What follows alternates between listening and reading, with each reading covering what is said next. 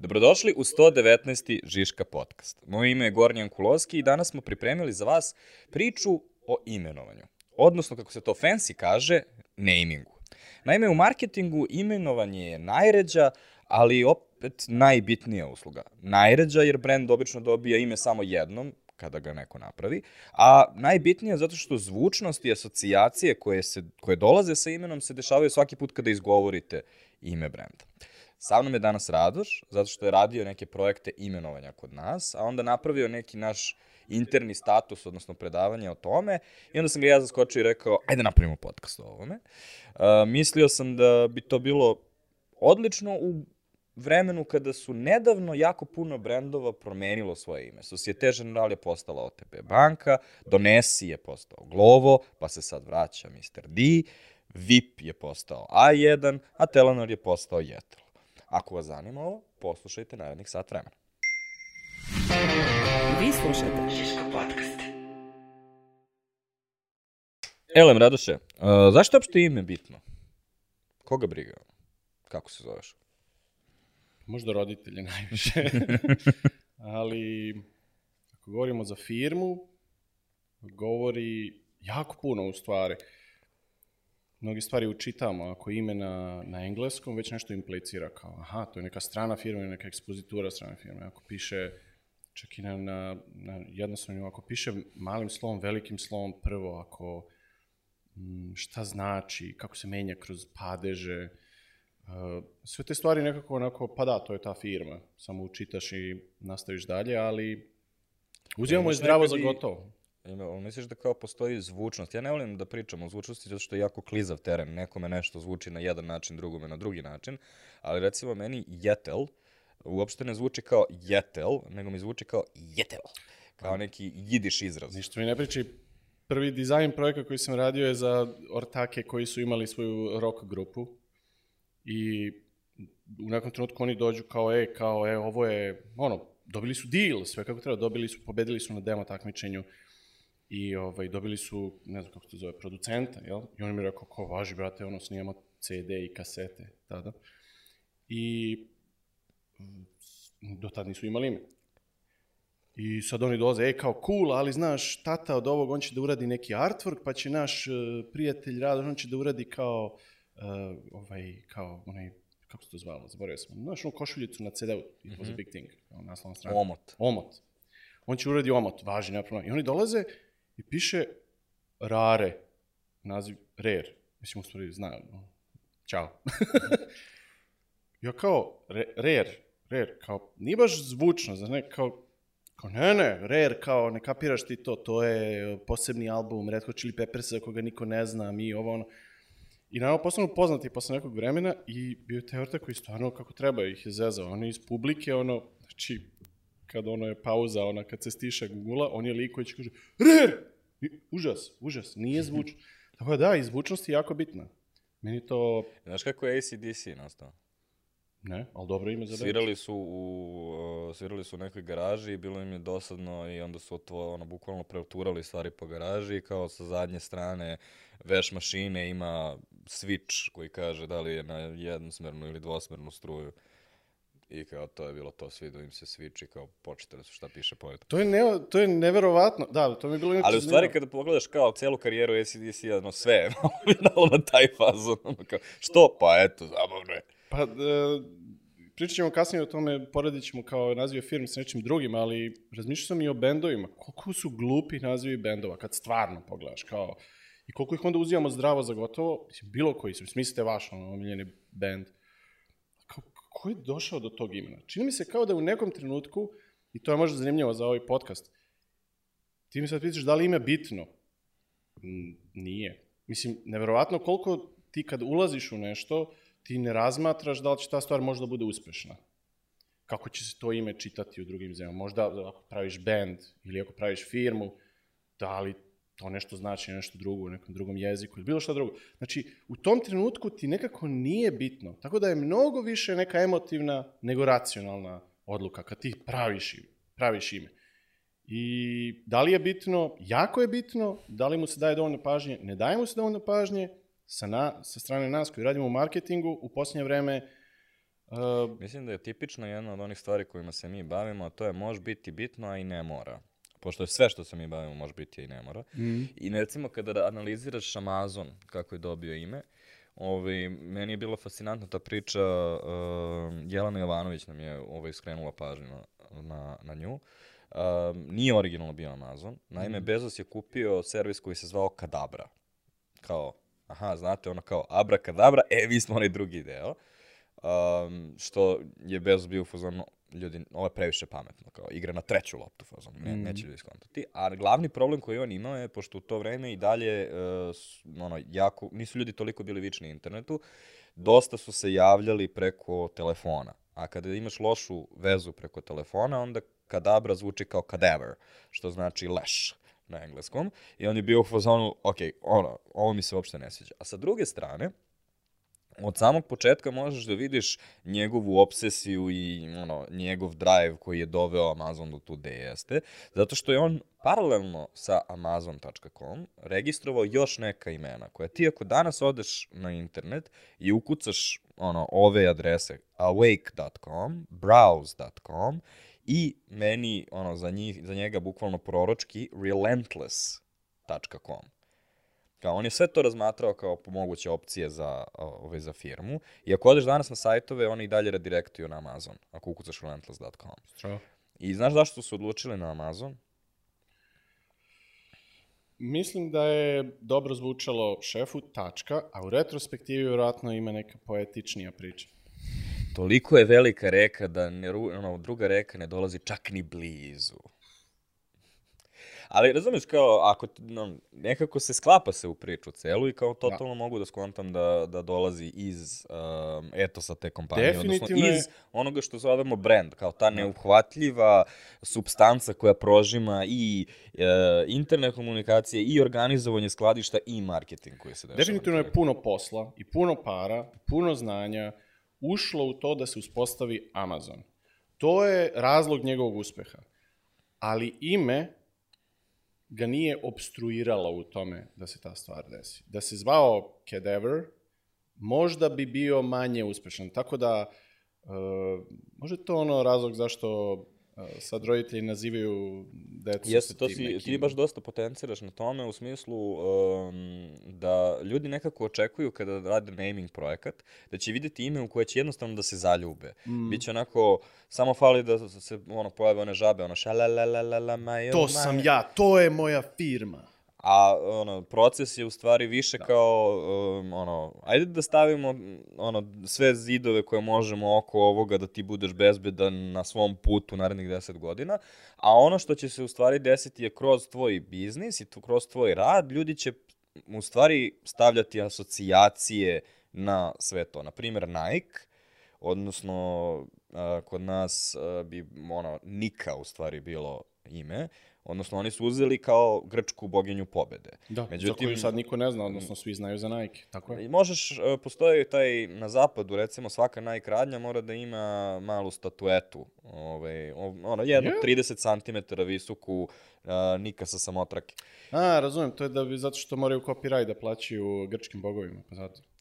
U Ambroziji. 10 kila Ambrozije za... Zašto mora, to je neko branding. Ovaj, pa ne, to je kao njihov branding guideline. A, ovaj, ali cela poenta je duh pobede, jel? Od toga su počeli. Um, međutim, da, ono, sa te strane bilo je super ime za početak, ali u stvari danas mnogo više asocijacija postoji prema Nike patikama, prema Michaelu Jordanu, sigurno, prema svim njihovim sigurno. endorserima i tako dalje. E sad, kada, ulo, kada uložiš toliko vremena u građenje tih svih asocijacija sa svojim imenom i 20 godina operišeš pod nekim imenom i ljudi te već poznaju, šta se desi da promeniš ime? Korona pivo.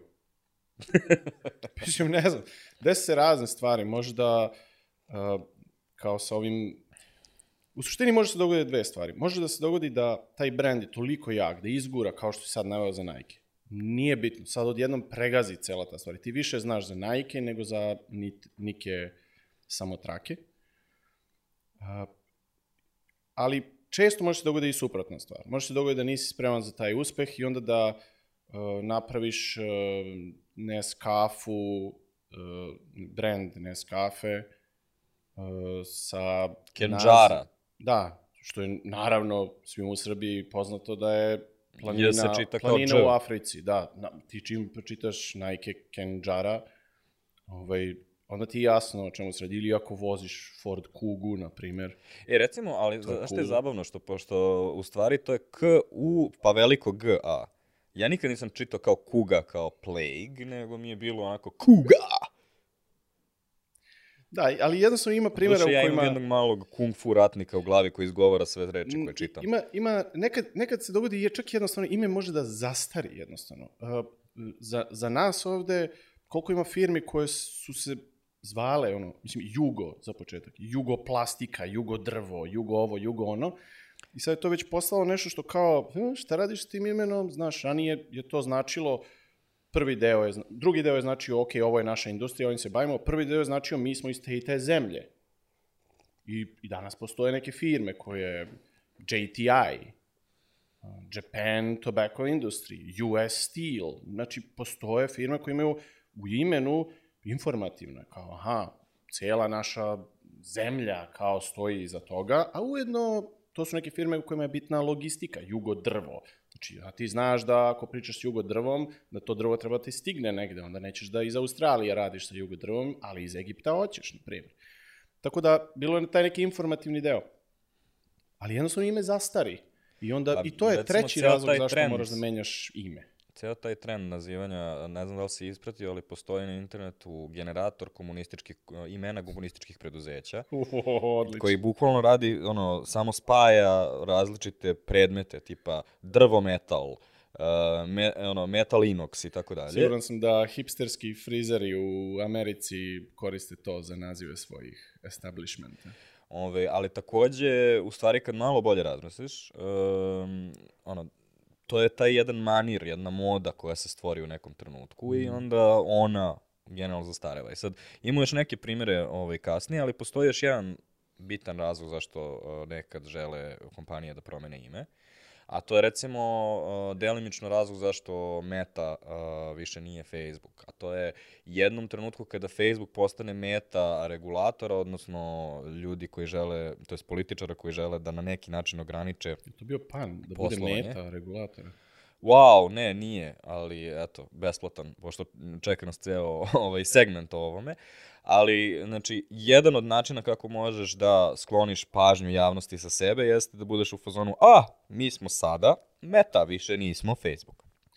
Da. Ovaj, što je recimo um, se dešavalo već, um, ovaj, Google je postao alfabet, da, da bi smanjio pritisak na sebe kao monopolistu.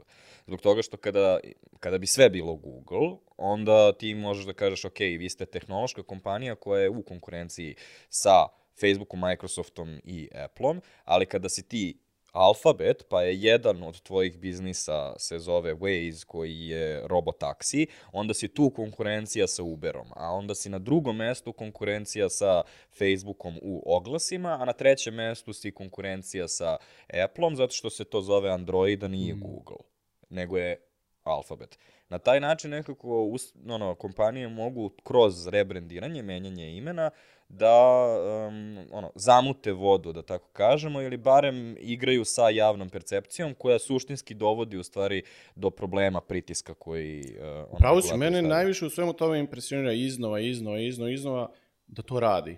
Da si ti u stanju da imaš, recimo, banku i da ta banka ima svoje filijale, da u tim filijalama rade neki zaposleni, da ti zaposleni uh, imaju svoje klijente i da ti onda promeniš ime toga. I ta varka, kako si rekao, zamute vodu, radi odjednom čovjek promeni majicu. E, sad nismo Žiška, mi smo sada Piška. Mi smo totalno druga firma. Isti ljudi rade unutra. Isti su filijale i usluge, ali sad smo zeleni. I radi. Nekako ljudi dobiju taj neki fresh start. Meni je nevjerojatno da, i to pokazuje koliko onda, aha, ime je u stvari važno, Da, ono i što je meni uh, bilo uh, mega interesantno, to je kada imaš uh, firmu veličine VIP-a koja se rebrandira. nevjerojatno, da. A, i, uh, iskreno, baš sam fasciniran uh, načinom na koji su to odradili. brzinom kojom ti to urade, su da, odradili. Recimo, ovaj, imam par komšija koji imaju brendirane automobile A1 i bio sam u fazonu, nema šanse, ne, sve su uradili i sve je bilo gotovo za dve nedelje. Znaš šta je najviše kasnilo? To da ti uđe u kuću svakom čoveku i zamene branding i fascikle, sve dok spavaš. da, da, da.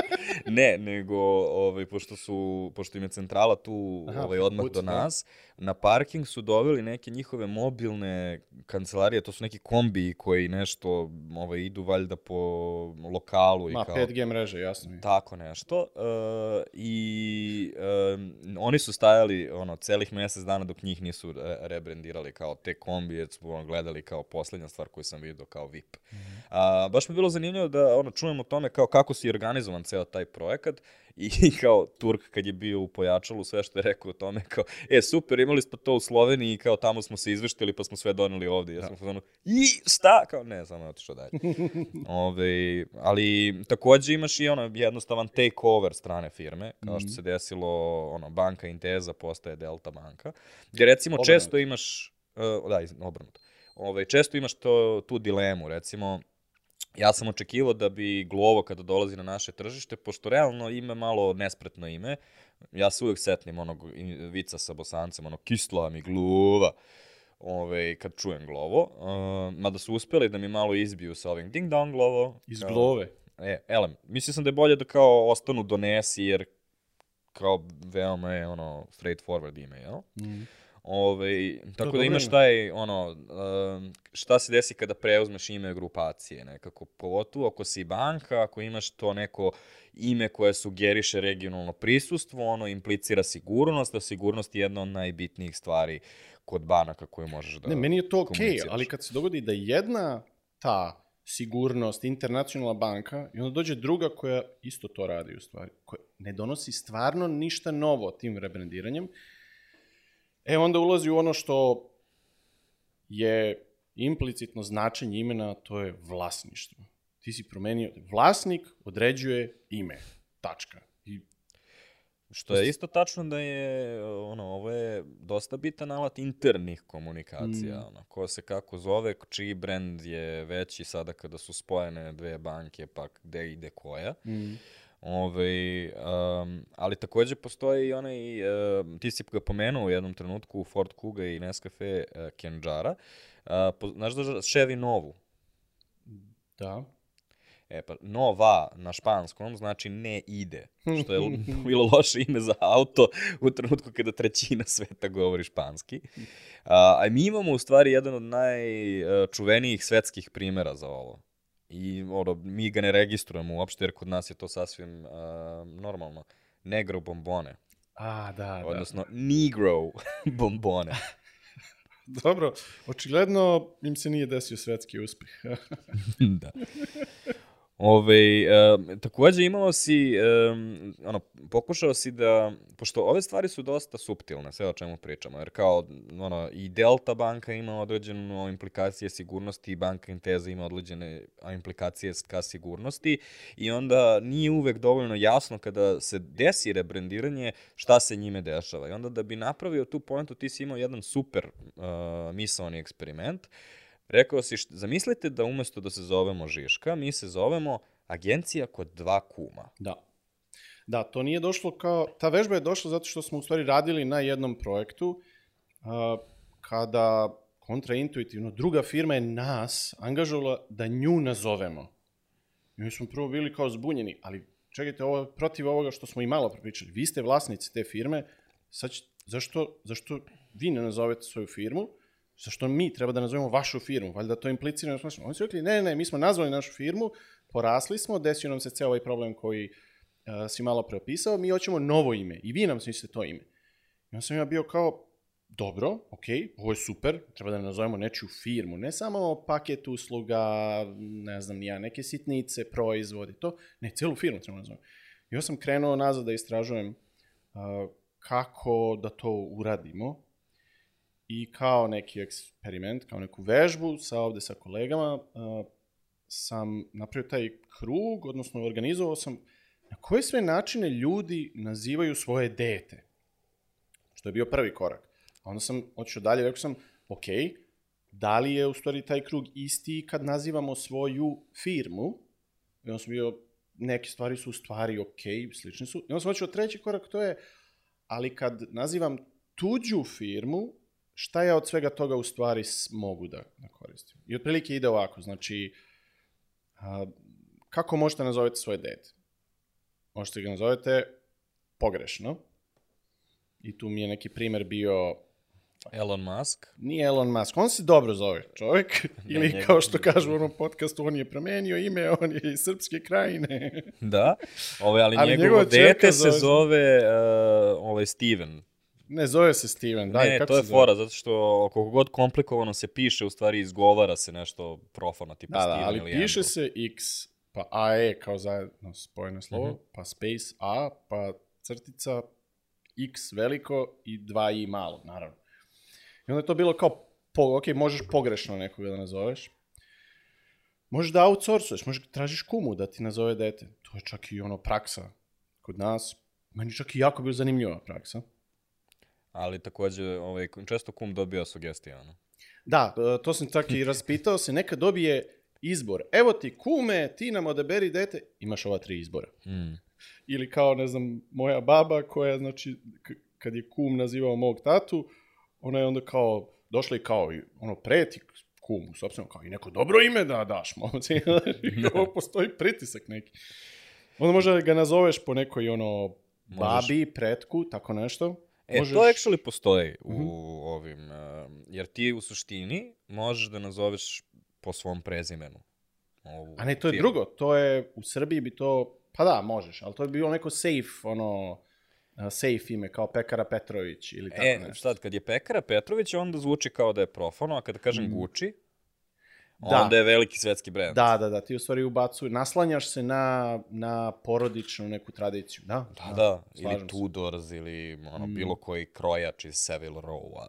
Ove, svi su nazvani po prezimenima, ali kada, Pa da, kada, implicira je to, tradiciju. kada je to srpsko ime, onda nema taj isti zvuk. Pa zavisi, to, ako, možda ako je neko starije, znaš, ako bi ga nazvao, nisam siguran, kao Ne, krojačka mislim- radnja Makarije ili tako nešto, nemam pojma. To je po imenu. Pa Ove, dobro, ali je staro ime, znaš, em, po dedi Makariju ili tako nešto. Mislim da su nas Krstići sinovi, Aha. kao prevoz, ovaj, zakopali kao taj pristup uopšte. A, ali ima jedna zanimljiva firma koja je nedavno se probila, a ima End Sinovi, odnosno sada je End Sin. Ivančić i sinovi. Ivančin da, sin. zanimljivo, da. Što samo pokazuje da, pa dobro, ali to implicira i vjerojatno jeste porodična apoteka, jel? Uh, proizvodnja lekova. Farmacija, Da, da. to. Mm. Ovaj, ali recimo meni je, meni je, bilo, meni je bio zanimljiv pristup uh, zbog toga što mislim da smo ga mi odbacili odavno i kao to smatramo kao pase. A, ali o, u stvari, kad malo bolje razmisliš kao, aha, ovaj čovjek prodaje lekove i ovaj čovjek je spreman da stavi ne samo sebe, nego i svoje sinove da garantuju na svakom ovaj, paketu. Tako da sa te strane mislim da ono ima i ono A to je zato što se te stvari kreću u nekim talasima, Tako je. jer uh, ti kada otvaraš novu firmu i recimo da je Ivančić sinovi nova firma, ja ću da sugerišem da je to nova firma. U smislu možda su oni u nekom obliku postojali već deceniju, on si nasanjen na tu deceniju, ali u nekom trenutku je došlo do investiranja u to i širenja toga. I onda kao to je u suštini, ja to gledam kao no, nova firma. I onda su oni uradili jedan od koraka kada ti trebaš da daš nekoj firmi ime, jeste da istražiš Pa može se neko, šta, šta, kako se druge zovu farmacije u regionu? A, pa sve se zovu kao neke svetske firme. Aha, pa možda da se naša firma izdvoji tako što se ne zove sve. I onda se sve firme zovu tako. E onda kao, pa možda mi treba se zovemo strana. Zanimljiva stvar se desila uh, i to je nazivanje firme posle oslobađanja od Turaka, u stvari, u, Srb, u Srbiji. Da. Ovaj, da su hoteli nazivani, znači oni nisu nazivali hotel Beograd, nego će nazvao hotel Moskva. Znaš, zašto? Pa to je neki tamo grad koji, znaš, pa ne, to je kao hotel u Beogradu, ali to je hotel Moskva, to je hotel neki, razumeš, gde ti uđeš, u, to je portal u drugi grad. I naslanjalo se na, tada je transport eh, nije bio toliko pristupačan, manje ljudi je tako putovalo i ti kad si otišao u Moskvu, ti si otišao u Moskvu, dovodiš, razumiješ, a to samo ime uradi da se ti transportuješ na, na neko drugo mesto. Tako da su oni pozajemljivali na ovaj način isto neku tradiciju i neku slavu, neke pozitivne konotacije drugog imena. To se isto ovaj, događa, a to je u suštini firma, kad tako pogledaš. Ćemo dalje na ovaj krug ili ja se vratimo Ovaj, možemo šta bi dalje se na- desio sa na onim imena- roleplayom da se zovemo pogrešno, a? Ovaj, možemo i to, ali e, nismo završili sa ovime kao nazivanje po rođacima, Aha. zato što postoji srpski izum čuveni. A to je da spojiš imena dece. Da, da, da. Najčuvenije za to je, ja nisam znao dok mi ti nisi rekao, Mhm. pošto mi je delovalo kao da je, nije, nije mi delovalo kao ta vrsta kovanice, Mm. a to je klinika Lave. Anđelka Laz... Anđel... Anđelka. Anđelka. Anđelka Lazar i Veljko. Da, to su unuci i osnivači. Da, i ja sam, ono, bukvalno... Da, to je mislim, češće- znao sam to zato što, ono, na Da, to je televiziji... češ, oni- češće nego što se čini. Moje ime je Složenica, uh, jer kao treći sam deti, već ono, baš ih je brigala kako ću se zovem. I onda kao, e, moj tata se zove Radomir, e, najstariji, e, znači moj stariji brat, se zove Uroš, Rad, Oš, Radoš, go.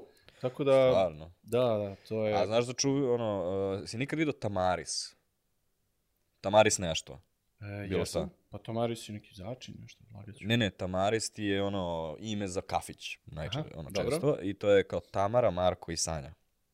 A meni super, imao sam, uh, imao sam neke pirate, ono, 90-ti koji su prodavali CD-o i tako dalje. MB Soft, znaš, Miško, Boško Soft. Ove, e, mislim da postoji još par tih koji su ono, imena suvlasnika, Mhm. a Pavle Pešić nam je dao uh, Una toalet papir. uh, bilo Kaže- šta, to Kaže da je po čerki osnivača, kao ime čerke. Ja sam u fazonu, kao, navodna priča. Sjajno, to je odlično. Nemoguće. To je odlično kad pričaš s tim likom i kad ti on to Fake kaže news. i ti ono treba poker face. Mm. Pa dobro, mislim da ono, svakako ako radiš za ono, pa, kompaniju koja prodaje toalet papir, često moraš da imaš poker face. Ove, um, onda postoji opcija da mu daš dosadno ime, to je kao... Pa to je bezbedno ime. Petar Petrović, jel? Bio je čak i trend, ne, uh, da, to je to, bio- ili Aleksandra Petrović, tako dalje.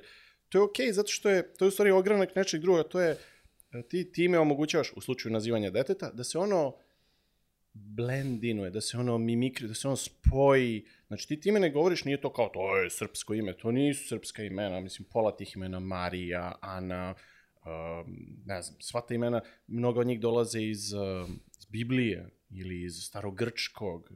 Tako da to su neka imena koje u raznim oblicima postoje u, u, u raznim, um, u, u raznim jezicima. Sad je to pitanje šta je tu jezik. Znači, to je neko ime koje je staro ime u stvari, koje neki veliki procenat ljudi na svetu ima isto to ime u nekom obliku. Ali iz nekog razloga ljudi to odaberu uh, to ime. Iskreno mene to sad ono zbunjuje, uh, ali i volio bi da znam da li je da li neko dođe sa tom idejom ajde da odaberemo dosadno ime, jer ja mislim da je to često, uh, u stvari ne postoji ova kategorija, nego ga nazivaju po nekom Aleksandru. I onda, pošto ima toliko Aleksandara i, ne znam, Marija ili, ne znam, tačan procenat neki ono najčešćih imena u Srbiji, ali u stvari tako se događa da ta ime, ta, ta imena kao neka ono, kroz neku evoluciju onako nastavljaju da žive u našem jeziku. A, Malcolm Gladwell je u jednoj knjizi uh, rad, citirao neko istraživanje koje je baš istraživalo ovo konkretno, ovaj konkretan problem. Um, pretpostavljali su da ima veze sa poznatima i da je to Aha. onaj sindrom uh, kada smo imali ono Kasandre i Ronalda i ovaj, sve to. Uh, međutim, uh, ispostavilo se da to nije baš način kako u kulturi uh, se ovaj, Šire, šire imena. imena.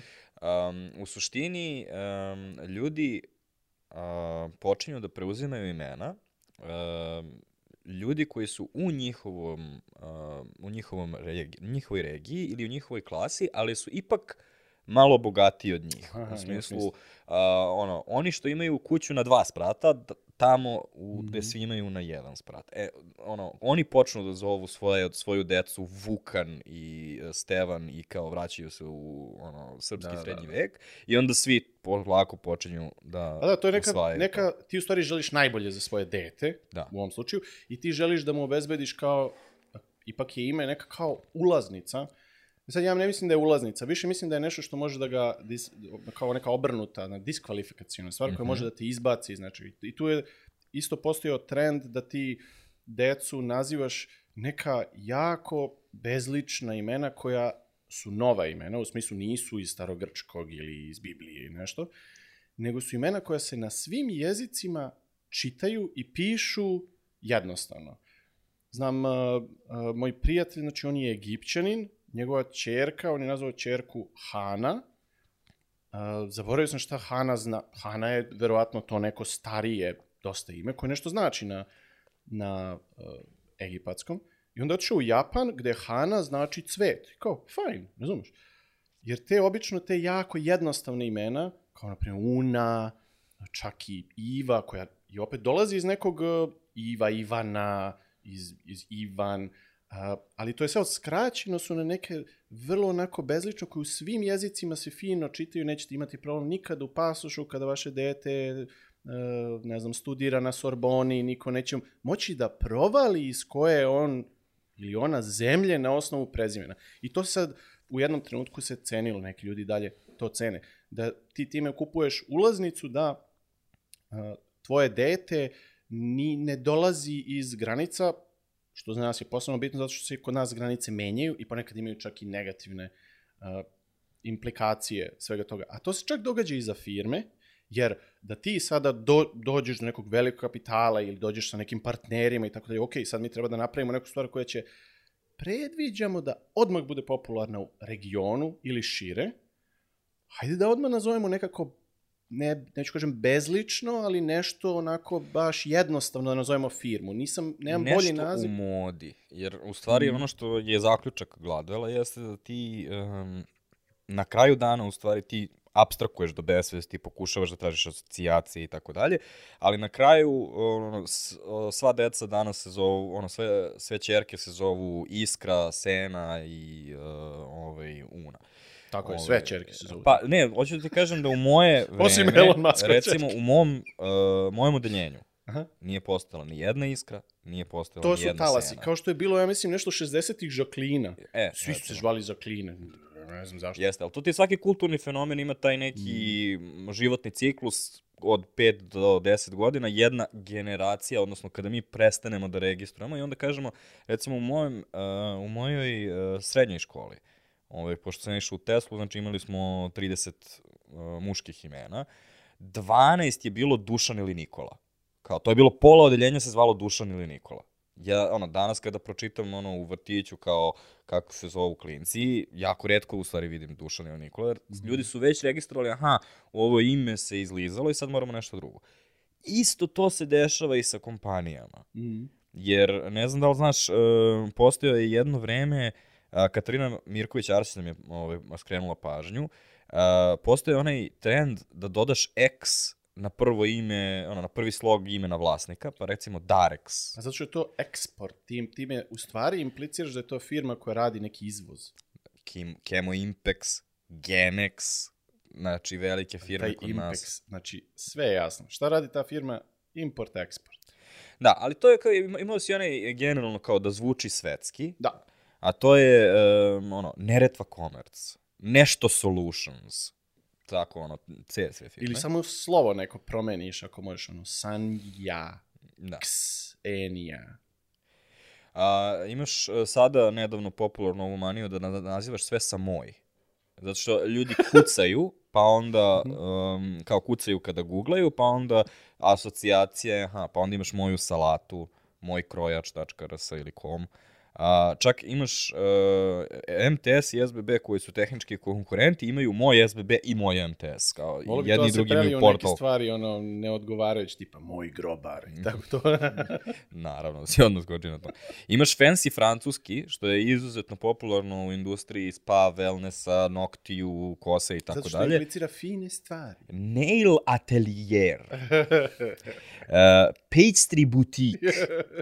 što će reći pekara. Da. Ne, fina pekar. E, i pazi sad, imaš ovaj novi trend koji je uh, nazovi stvari očigledno i već smo Mhm. ponesi, ono, primetili da je donesi je kao idealan ovaj, primjer s tom. Kao što smo videli problem sa time što ne možeš nikada zaista da zas, zaštitiš to ime. Jer kao donesi je ipak glagol, ne možeš da kažeš ono... Ako imaš dobre advokate, možeš da je. Možeš da, za, ne, možeš da zaštitiš recimo logo, možeš da zaštitiš implikacije na ovaj konkretan biznis, ali ipak ne možeš na kraju da Ne, ne, slažem reči, slažem kao ne možeš da zabraniš nekome da ima šifru za um, ovaj, popust koja se zove Donesi, koja implicira svašta nešto. Mislim da smo prošli sve osim jedne kategorije, to je... Čekaj, čekaj, nisam završio sa preočiglednim. Da, Ovde, ovde imamo od Nikole. Neškovića fenomenalan primer. Šta radi proizvod koji se zove jajoper? Ja mislim da služi, pere jaja. Ili, da. Ili joperuje tebe. Ali Aleksandra Rafailović nam je takođe skrenula pažnju da uh, u Bosni svi dostavljači ovaj, se zovu po nekoj ono, uh, jednom rečju koja implicira dostavu. Tanjir, ceger, korpa. Uh, I onda je Strahinja Ćalović uradio slam dunk na, na ovo i bio u fazonu uh, postoji proizvod koji se zove stop grč. Jasno je šta radi. Da kaže, sledeće je krema kad te bole kosti. Ali i to je sad postalo nekako, ono, ono, još jedan trend koji, ono, već vidim da se umara, jel? Mhm. E, uh, sad dolazimo do uh, po, ono, nastavka epizode o panovima. Znači, imamo celu epizodu našeg podcasta o igrama rečima, odnosno konkretnije panovima, pošto igre reči su svašta nešto, pa i panovi. Ali postoji način da nazoveš jednostavno svoj proizvod po panu i upućujemo vas na tu epizodu da detaljno ono, poslušate šta čini dobar pan, pa onda se sve to u stvari odnosi na sve ove, ali šta misliš ono generalno o nazivanju firme kroz neku igru reči? To je Kao, stvarno na za- primjer, Suzana Teodosijević se setila prva koza nostra, koza i sir. Pa da, to je super, zato što uh, to je na neki način malo i uh, pobunjenički od, od tog trenda da se stvari nazivaju stranim, uh, stranim, re, stranim rečima da, i onda kao impliciraju da su nešto strano. Ali uh, dobro je zato što su stvari to lokalne stvari, tako da imaš još jednu notu, naravno, koju samo pan može da stvori, a to je humor. I super je zato što kao i ova kuga ili Nestle Kenjara, znači to jedna stvar znači na jednom jeziku, ali druga stvar znači na drugom jeziku, a ti u stvari si u, na drugom jeziku u toj si zemlji. Znači ti uh, je obrnuto, znači ne nazivaš sebe kao neka strana firma, nego impliciraš da si strana firma koja se zeznula u tvojoj zemlji. Znači baš je ono kao, kao i svaki pan, ti moraš da kao, a, čekaj, jel su mislili ovo, jel su mislili ono, jel su mislili... Što je super, jer je ime koje zadržava ti pažnju na što si tačno misli. Imam dva uh, problema sa ovime. Ovaj, prvi problem je Richard Giros.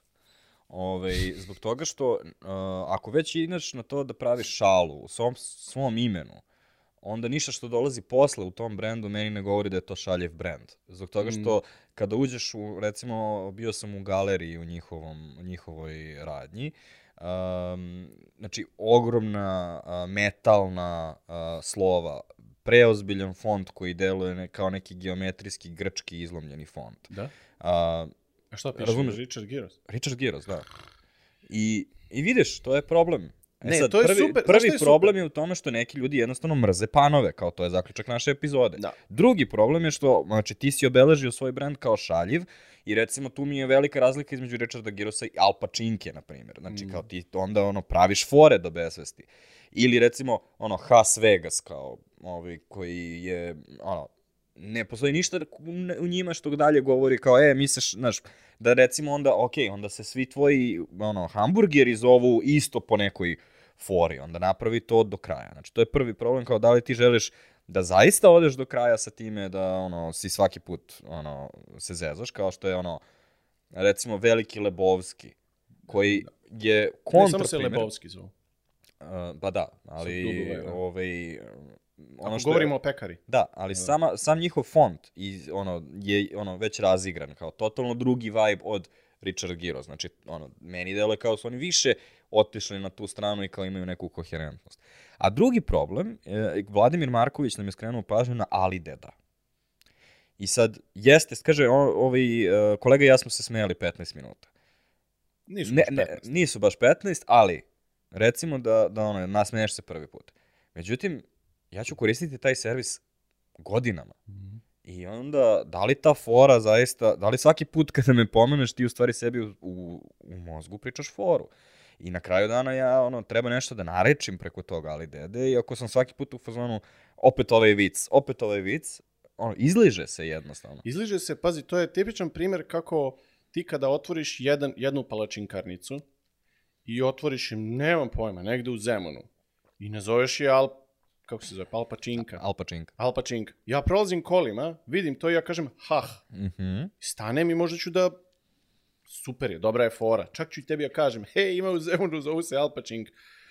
I onda sve te firme nisu, super su krenule. I to je u tom trenutku kad sam ja otvorio jednu palačinkaru, kad, sam, kad, kad treba privučem nekoga na hah, to je super ime, to spada u kategoriju, to je odlično ime. Međutim, kada mi se dogodi uspeh, odjednom to postane Elon Muskova čerka, to postane pogrešno ime. I, i, I da podsjetim, znači upravo se to i desilo klijentima koji su došli do nas i rekli su nam, mi smo imali jedno ime, ono je bilo okej u tom trenutku, u ovom trenutku više ne radi. Ja mislim da zahteva ogromnu hrabrost od, eh, ne od firme, nego od ljudi koje vode firmu. Ti isti ljudi koji su vlasnici firme. Da oni kažu, ok, ali da bi ova firma stvarno napredovala, mi smo ovde došli delimično zbog toga što nam se firma zove kao PAN, to nam je obezbedilo neki besplatni marketing, word of mouth, nazovite ga kako god hoćete. Instagram je neko podelio, ta stvar je nekako se zaživjela, ali mi imamo ogroman, ogromno znanje, ogromnu logistiku, sve ista priča, govorim sve isto kao Amazon na početku. Ali sad nas to ime na početku smeta nam, uh, ograničava nas, izlizalo se, više nije hah, više uh, mo, treba promeniti ime. To je stvarno ogromna hrabrost i implicira da ljudi koji vode tu firmu razmišljaju poslovno i sa interesom svojih s- te usluge, žele razvijaju uslugu, a nisu toliko vezani ili samo zaljubljeni a, u sebe, tvo, svoj udeo u tome. E, i onda sam ja smislio ime Richard Giros. Nisi ti smislio tačno Richard Giros. Vjerojatno si ga čuo u svojoj kafani dok se ona zvala drugačije i onda ta stvar, ja, ti si to registrovao i tako. Ove, do, dobra ti je paralela u stvari zato što uh, sve ove koje mi imamo ovde, a imamo jako puno pekara iz nekog razloga, imamo hardcore za kore Super. za pitu, David Maravić, uh, ovaj, Olivera Borikić, uh, pite Brad Pita, um, ovaj, Dušan Jolović koji nam je poslao pekara H kao leb. Čekaj samo da Ovaj. bude jasno, odakle ti sva ta imena, Ba, kako su ti ovaj, poslali ljudi? Ja uvek postavljam kada imamo ovakve, um, kada imamo ovakve teme, ja uvek postavim Da, da. LinkedIn pitanje, pa onda ljudi se tu, pošto je veoma aktivna mreža, Da, da, da. ove ljudi su tu spremni da komentarišu. Probali smo i sa YouTube community, ali jako malo ljudi se javi ovaj, da zaista od, ovaj, Da, da, odgovori. strava, hvala vam, ba, su baš... Da, tako da dobili smo baš dosta ovih pekara, ali u stvari, e, ako želiš da imaš pet pekara, onda ti je safer bet da se zoveš Trpković ili... Da. A znaš šta? Tako nešto. Mislim, mi kažemo, he, pekara, ali pekara ima jako puno. Mhm. Sa, a, ako govorimo o namingu, znači, da, ti i ja, vi bismo volili da dođe sad neka nova, ne znam ja, blockchain, NFT, machine learning usluga i da smo mi nazvali tu. Ali realno, mnogo je teža kategorija nazvati pekaru danas. Pekara toliko puno. One se izdvajaju uslugom, nekad vidiš red, preporuka, cenom, ali ono što ti prvo vidiš je ime. To je najteža kategorija. Nama da sad ovde dođe pekara i da kaže dajte mi ime za pekaru, to je bilo mnogo teže nego da smislimo novog internet provajdera, mnogo teže nego da smislimo novu IT firmu ili bilo šta drugo. To je teška kategorija. Ja se stvarno divim ovome koje je nazvao hardcore. I u stvari imam fotku toga. Uh, davno sam još baš ufotkao i sam kao, to je naziv. Ove, ali nisu pekare jedina stvar koja ima ono industry specific Mhm. nazivanja. Ove, Milanče Simonović nam je e, skrenuo pažnju na B52 energetsko piće, koja je bukvalno ono bombarder, ima bombu na sebi i tako dalje. I onda sam ja se setio da u stvari da cela industrija energetskih pića je, ima fenomenalno ovaj, Počnimo ono, od čudne koksa. nazive. Koks. Da. Kao he he, znate, ovo je kao droga. Ovaj, hell, za koji ja konstantno zbog onog kruga mislim da je hello, ali nije. Hell je, kao što mi je objasnio Bruce Willis u jednoj reklami. A, pre toga je bio fast, ne znam da li se sećaš toga. Da, A, trenutno o, knock-off. aktivno piće je Superstar, to je ovaj uh, Pepsi grupacija, ovaj onako kao da ima neku zvezdu na sebi i neke disko kugle i tako dalje. Dobro, strah. Ovaj, ono, uh, imaju te, ono, napadna agresivna imena, ono, sve, pošto proizvod je takav. Um, imaš uh, ovaj novokomponovane kafane. O, ona moja. ona, a ne neka druga i tako dalje. To mi već zvuči kao neka... Da, baš da dobro si ih nazvao, novo kompono neka, to su neka fane za team building Klabane. oko nove godine. I kako. Klabane, ono, de, ono, znaš, malo na početku, ono, novokomponovani, ove, ono, grand produkcija i, Znaš mi je ono, to super? jala što- buba, onda posle... Kad se pojavi neki lik koji ima znam takvo ime da sad, ja, ja ću sad neću reći ime toga zato što se ne sećam. Uh, jer su oni napravili ime restorana negde na ah, zaboravio se kako se zove taj deo grada. U Beogradu je restoran i nazvali su ime i ako ste bili u tom restoranu znaćete koji je restoran. Isto tako možda se nećete setiti kako se zove. Ali ime se bukvalno zove, jako je umetnički restoran iznutra, zove se nešto Papatelo i... A, Lorenzo i Kalabamba. To Ili Kambalabamba. Kambalabamba. Neverovatno. To mi je zanimljivo. Pazi, oni su uspeli... Shvatiš, što, Bukvalno, ono, shvatiš koju su oni teritoriju claimovali? Kako će se zove vaš restoran? Neće biti zvučno, neće biti lako da kažeš, ne implicira ništa, osim da smo drugačiji, ali neće ljudi vam... Sad je neko njemu rekao, ali ko će da zapamti ime tog brenda? Ne, ne, kuhinju će da zapamte. I onda će da pričaju, to je onaj restoran što ima ono ne, ne, ne, nu, nu, nu ime. I onda će ti kaže, a, da, bio sam tu, znam, neverovatno, koja je magija imena, ono, čak i kad uh, sam sebe pokušaš da sabotiraš. A, onda imaš uh, proizvodi za muškarce, kozmetika za muškarce, odnosno ovaj, kupke i slične stvari. Nijedno se ne zove uh, po ikakvom mirisu.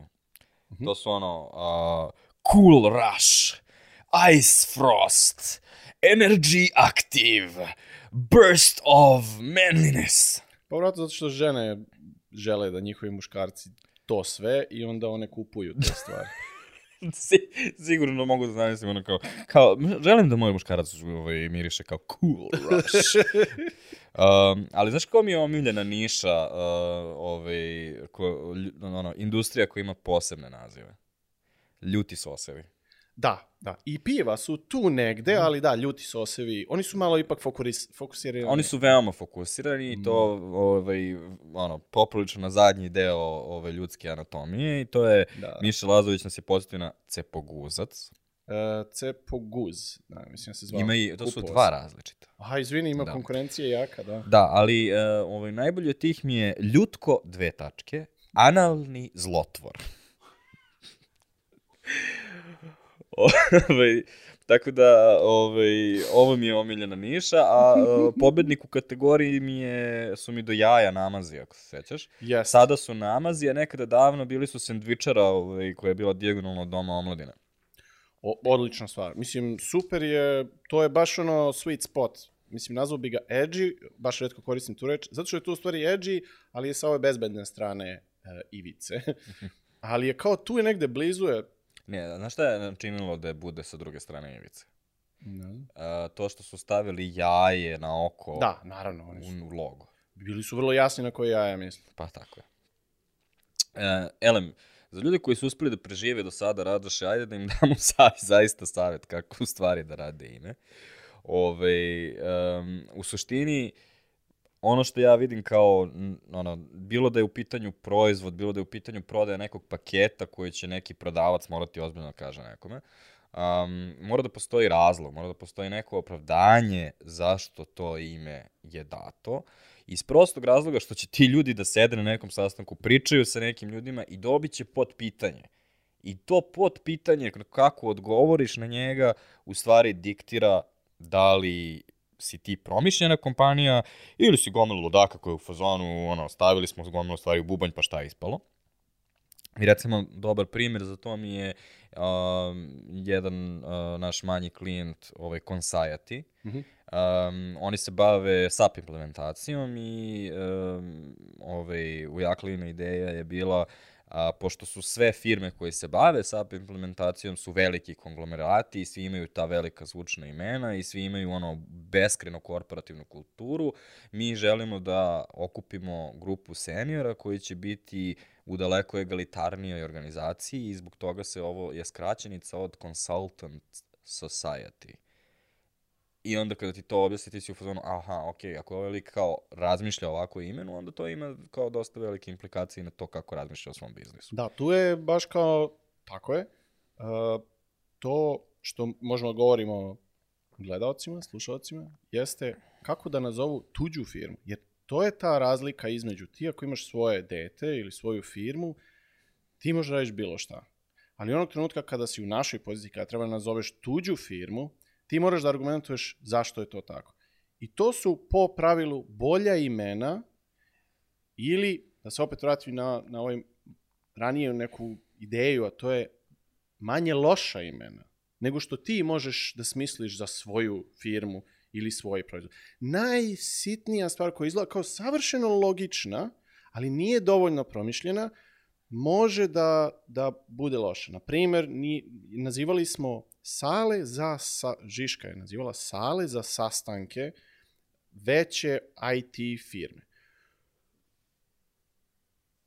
Postoji neki trend za IT firme. To su firme koje imaju uh, veliku potrebu za salama za sastanke. Imaju po 10-12 sali za sastanke, zato što često imaju Zoom kolove sa inostranim klijentima, tako da to nisu, to, to je sala za sastanke je jednostavno jedna od prostorija, a ne ono što mi mislimo jedna firma, jedna sala za sastanke. Oni imaju 12. Da stvar bude komplikovanija, to je nov, nova, nova zgrada. Sami zaposleni ne znaju da se snađu u toj zgradi. Postoji neki trend u IT firmama u Srbiji da te firme nazivaju I to je opravdano ovako sad, ovako, ako ti ja, e, a da i ne zovemo po srpskim naučnicima. Lepa ideja, zar ne, Gorane? Opravdana je. Ali nismo je baš dobro promislili. Jer kad ja sutra te kažem u kafeteriji, e, Gorane, vidimo se za dva minuta u Pupinu, znaš, to malo onako ima kao, suviše dugo se sad gledamo, kao, vidimo se u Pupinu, kao, važi, Znaš, nije promišljeno u stvari do kraja, kako će ta stvar zvučati.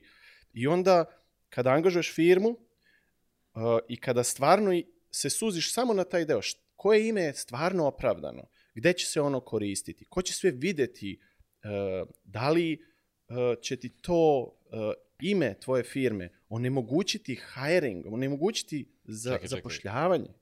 Kako se, smo nazvali onda sale za sastanke? Uh, nazvali, baš smo overgeekovali. Znači, nazvali smo je, pošto je, znači, ljudi su tek ušli u taj prostor, uh, nazvali smo ih uh, po nekim pravilima. Za početak nazvali smo ih, nazvali smo ih, to su strana imena, kako bi i kada mi uh, šalješ tim inostranim uh, klijentima, da bi oni znali kada dobiju meet request, da ne budu zbunjeni. Nazvali smo ih po uh, terminima iz uh, IT sveta, uh, kao što su algoritam, codes, uh, i slično. But wait, there's more. Uh, nema dva imena koja počinju istim slovom. Da slučajno ne bude do zabune. But wait, there's more. U stvari, oni idu tačno abecednim redom. Tako da jedna, prva se zove na A, druga se zove na B, treća se zove na C. But wait, there's more. Znači, ako pogledali smo tlocrt i videli smo kako su raspoređene te sale na, na, na tom spratu i onda smo, od, počeši od najveće sale koja se zove algoritam, mi smo uh, uh, po, u smeru kazaljke na satu nazivali ove ostale sale A, B, C, D, F, G, H, E, I. Mislim da dotle čak ide. Tako da ti čak možeš i da se orijentišeš gde je ta sala.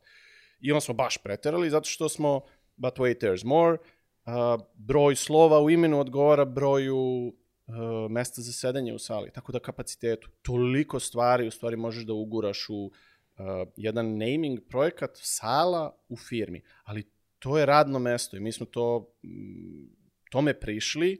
Nismo mi to potrošili previše vremena. Potrošili smo jedan dan, troje ljudi da razmišlja o tome kako da se e, nazovu te sale. Ali to je funkcionalni funkcionalna prostorija sad. U potpunosti funkcionalna. Ona ima dodatne funkcije zbog svog imena.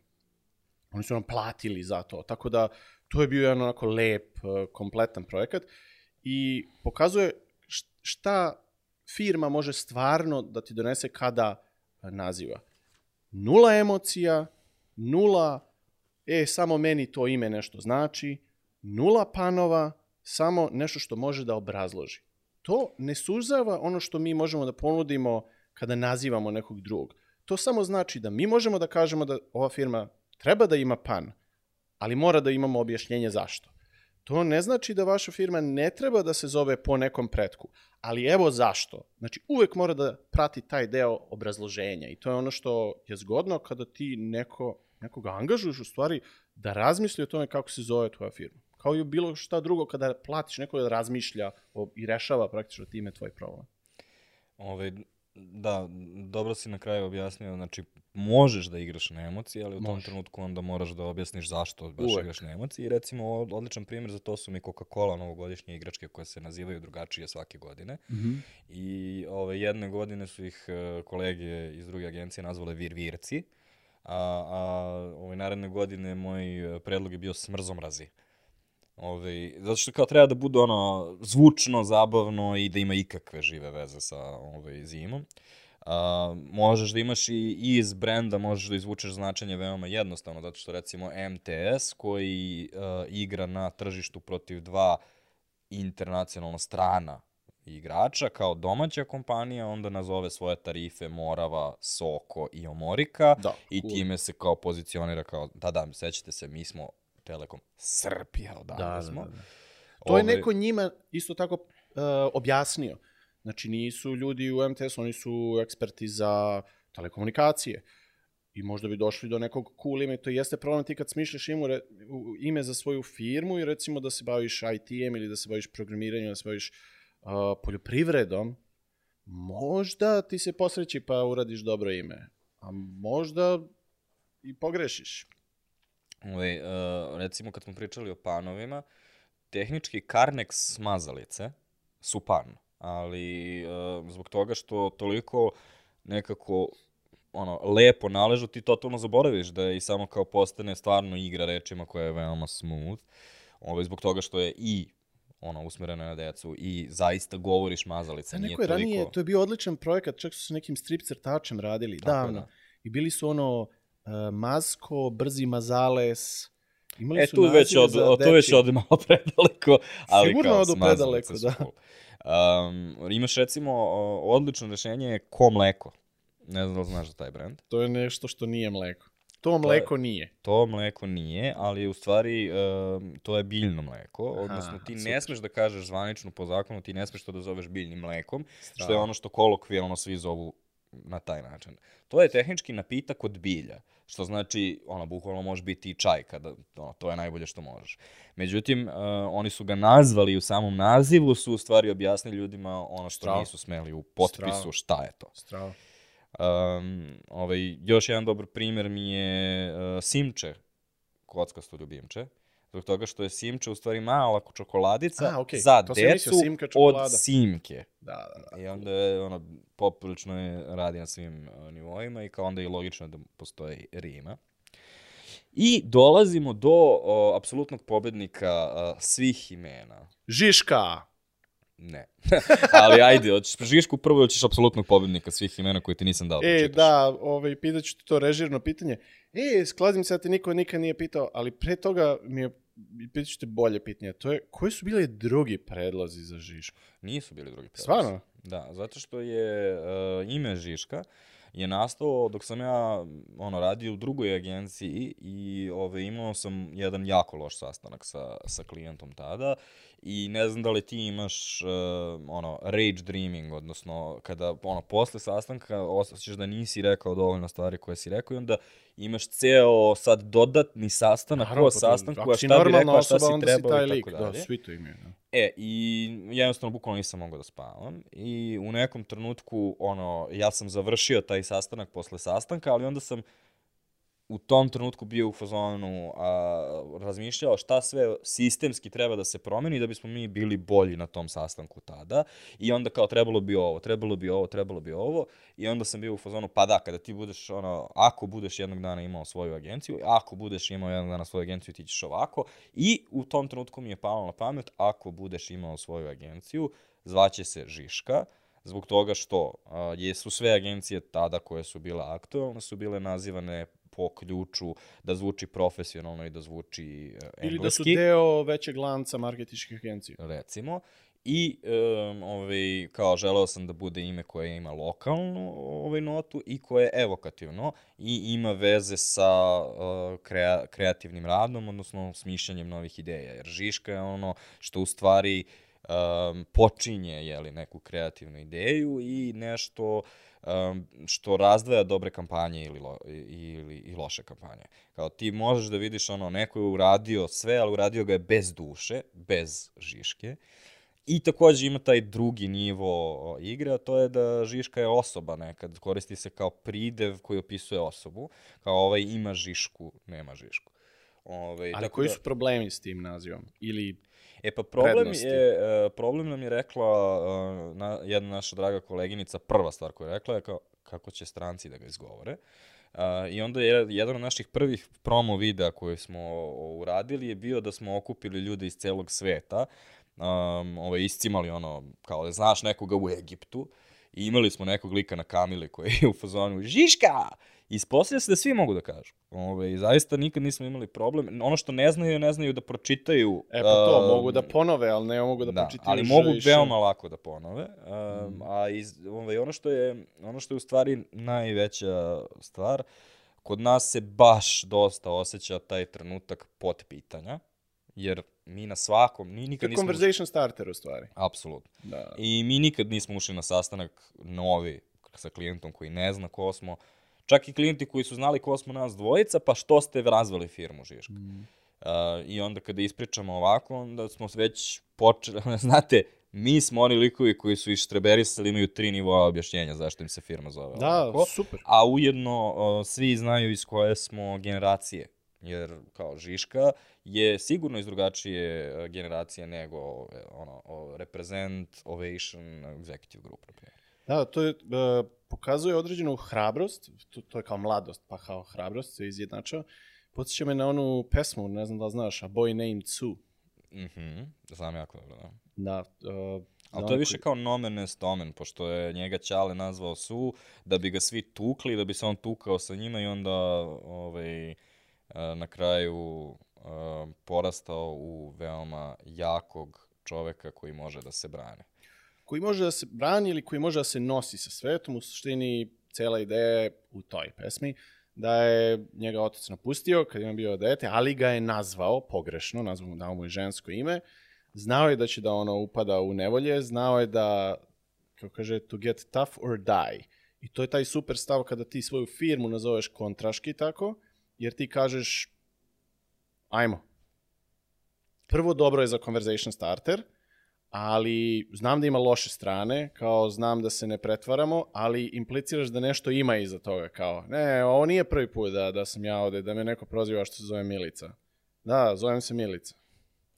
Ali kako je zaključak pesme? U, zaključak je, zaključak je dobar, zato što on, to je pesma koja počinje sa time i sad ti misliš, ha, tu je kraj. Na kraju on ide, luta, naravno, nema lag život sa tim nazivom, recimo se zove Milica i na kraju nađe svog ćaću. I? I sad je on kao, sad ću ja ti se osvetim. I njegov ćaća izvadi skakavac i recne mu uvo i brani se i oni se biju u stvari neki matori tamo u kafani i njegov sin u stvari. I taj Milica, jel, on objašnjava da mu je ono ćale, da mu je ono ozbiljan, eh, da se on ozbiljno šiba, sad on bori, i oni se pobiše ljudi tamo, ispovređivaš se. I to se nekako završi tako što taj Milica nadvlada kao i u svi tim epovima, jel? On kao pobedi svog oca. Ali vidiš na kraju da je njegov otac ponosan. Ponosan na svoje delo, ponosan na njega, ponosan što je preživeo tako daleko, ponosan što je stigao dotle, više mu uopšte nije bitno što će do, nastaviti da ga batine ili će ovaj da ga ubije ili šta god. On je objasni. Onda, dolazimo do ovog objašnjenja kao, ali nisam ja bio pijan pa sam te nazvao Milice, ja, evo objašnjenje zašto vaša firma treba se zove Milica. I nekako se to sve završi tako što njegov otac u stvari kao ponosan, zato što je iz tog nekog momenta posjedovanja a, nazvao nekoga smisleno, opravdano, on ga je tako nazvao zato da bi, a, zato što je ga napustio kad je bio mali, onda mu je ono Šta je stvari ime ostaje. zaključio iz toga? Odnosno su. pa mislim da je do, do tog trenutka je bio onako pun besa, uh, ali se pesma završava tako što on kaže, ok, skapirao sam, ono, zašto me, da me tata nije tako nazvao iz... Uh, Nazvo ga je tatom, ali nije ni to kraj. ne, Zato ne, što na samom kraju, da, da, na on samom kaže, kraju, iako kada ja budem imao sina, nazvaću ga... Marko, Pera, bilo šta, samo ne ono žensko ime. Ali to je, na, to je primer uh, hrabrog nazivanja uh, nečega, nečega što prkosi uh, i u stvari Žiška je to, Žiška je boy name cu, znači to je kao uh, ne zovemo se po konvencijama, zovemo se obrnuto konvencijama, izazivački, hrabri, to nije pogrešno ime, to je hrabro ime i time impliciramo da imamo energiju da se nosimo uh, sa izazovima, a ne da idemo niz dlaku i da se zovemo nekako kao, aha, znaš šta dobijaš. E sad se ga nafilovo, okej. bukvalno to nik, ne, uopšte nismo smislili kad smo Ali to ljudi ime. čitavaju. Ali, Radoše, da li si spreman za pobednika svih naziva? Ne je tačan odgovor, da, čujem. A, Ilija Ćosić nam je javio za kakilak. koji je ono pomagalo kao portapad, znaš ono kao da ti izdigne noge da ovaj, A, znam. kako si na WC šolji da bi imao izdužen probavni trakt koji Da, da. je uh, prirodniji položaj uh, za uh, ka- kada kakiš.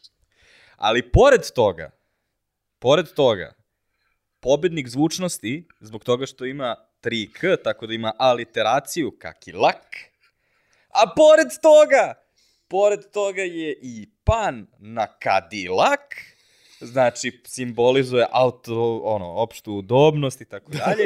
I pored toga, Radoše, i pored toga je idealan opis proizvoda i opisuje tačno šta možeš očekivati od kakilaka. I sada pokupite vaš mozak sa zidova, pošto je to ono toliko razbucan uh, ovim imenom. I um, ovaj, dozvolite mi da vam zahvalim što ste um, ovaj, izdržali to ovde i uh, stigli do kakilaka. Radoše, tebi hvala što si istražio temu i učinio ovaj razgovor smislenim. Ako vam se dopada ova priče, priča, zapratite nas na YouTube-u ili bilo kojoj audio platformi. Poseban pozdrav za Spotify-ovce koji su postali najveća grupa audio slušalaca. Um, ako vam se dopalo ovo, ova priča, um, ja preporučujem kada god zapratite bilo koji podcast, pošto teme kojima se mi bavimo obično ne zastarevaju. Prođite kroz stare epizode podcasta, proberite teme koje vas interesuju i imaćete tonu kvalitetnog sadržaja. Ako vam se dopala ova tema, imate sličnu temu koja se zove Narodni copywriter, copywriting, to je epizoda broj 110. Neke od ovih imena koje smo pričali se pojavljuju u toj epizodi, a ako vas je interesovao ceo onaj deo sa panovima, imamo veoma detaljno objašnjenje šta su cool panovi, šta nisu, u epizodi broj 62 koja se zove Igre rečima. Ako želite da se uključite u diskusiju i dajete primere za um, ovaj podcast, onda me zapratite na uh, LinkedInu, ja tamo često ostavljam pitanja za pripremu za ovaj podcast, zato što je to jednostavno se ispostavilo najaktivnija društvena mreža. Uvek možete nam se javiti i u komentarima, YouTube community i tako dalje, samo ovde se trenutno dešava najviše razgovora. Hvala vam još jednom i ja odoh da nađem neku novu žrtvu da pripremi neku novu temu. Vi slušate Žiško podcast.